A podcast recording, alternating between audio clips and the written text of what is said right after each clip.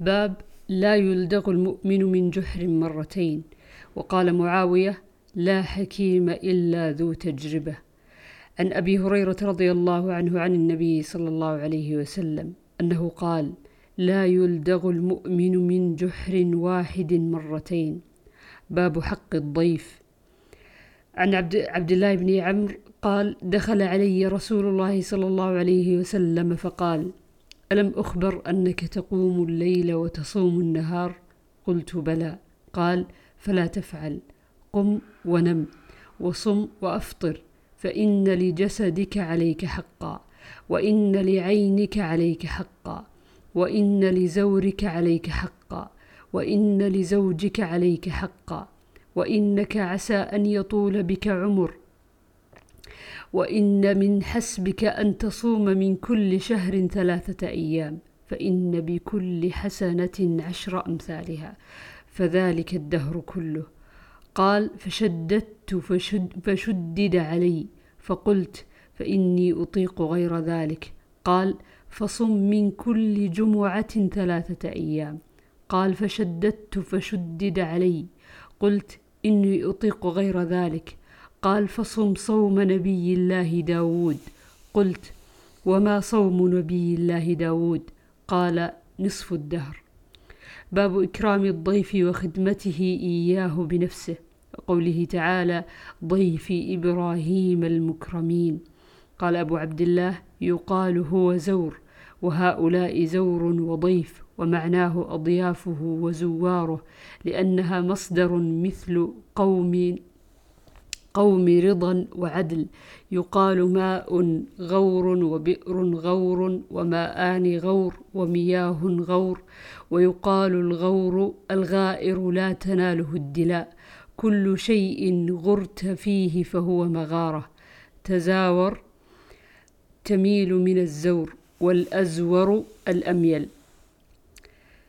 عن أبي شريح الكعبي أن رسول الله صلى الله عليه وسلم قال من كان يؤمن بالله واليوم الآخر فليكرم ضيفه.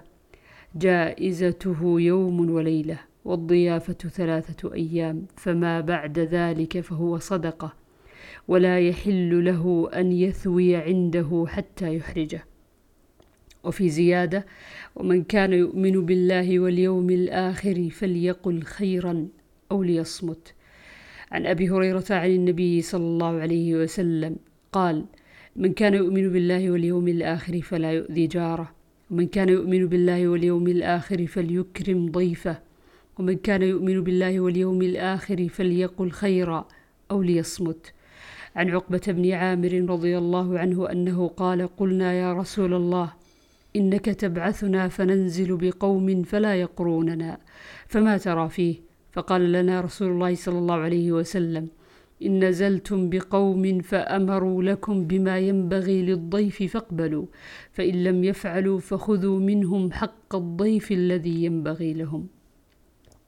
عن أبي هريرة رضي الله عنه عن النبي صلى الله عليه وسلم قال من كان يؤمن بالله واليوم الآخر فليكرم ضيفه ومن كان يؤمن بالله واليوم الآخر فليصل رحمه ومن كان يؤمن بالله واليوم الآخر فليقل خيرا أو ليصمت باب صنع الطعام والتكلف للضيف. عن عون بن أبي جحيفة عن أبيه قال آخى النبي صلى الله عليه وسلم بين سلمان وأبي الدرداء فزار سلمان أبا الدرداء فرأى أم الدرداء متبذلة فقال لها ما شأنك؟ قالت أخوك أبو الدرداء ليس له حاجة في الدنيا. فجاء أبو الدرداء فصنع له طعاما. قال كل فإني صائم. قال ما أنا بآكل حتى تأكل. فأكل. فلما كان الليل ذهب أبو الدرداء يقوم فقال نم. فنام. ثم ذهب يقوم فقال نم. فلما كان آخر الليل قال سلمان قم الآن. قال فصليها. فقال له سلمان إن لربك عليك حقا ولنفسك عليك حقا ولأهلك عليك حقا. فأعط كل ذي حق حقه.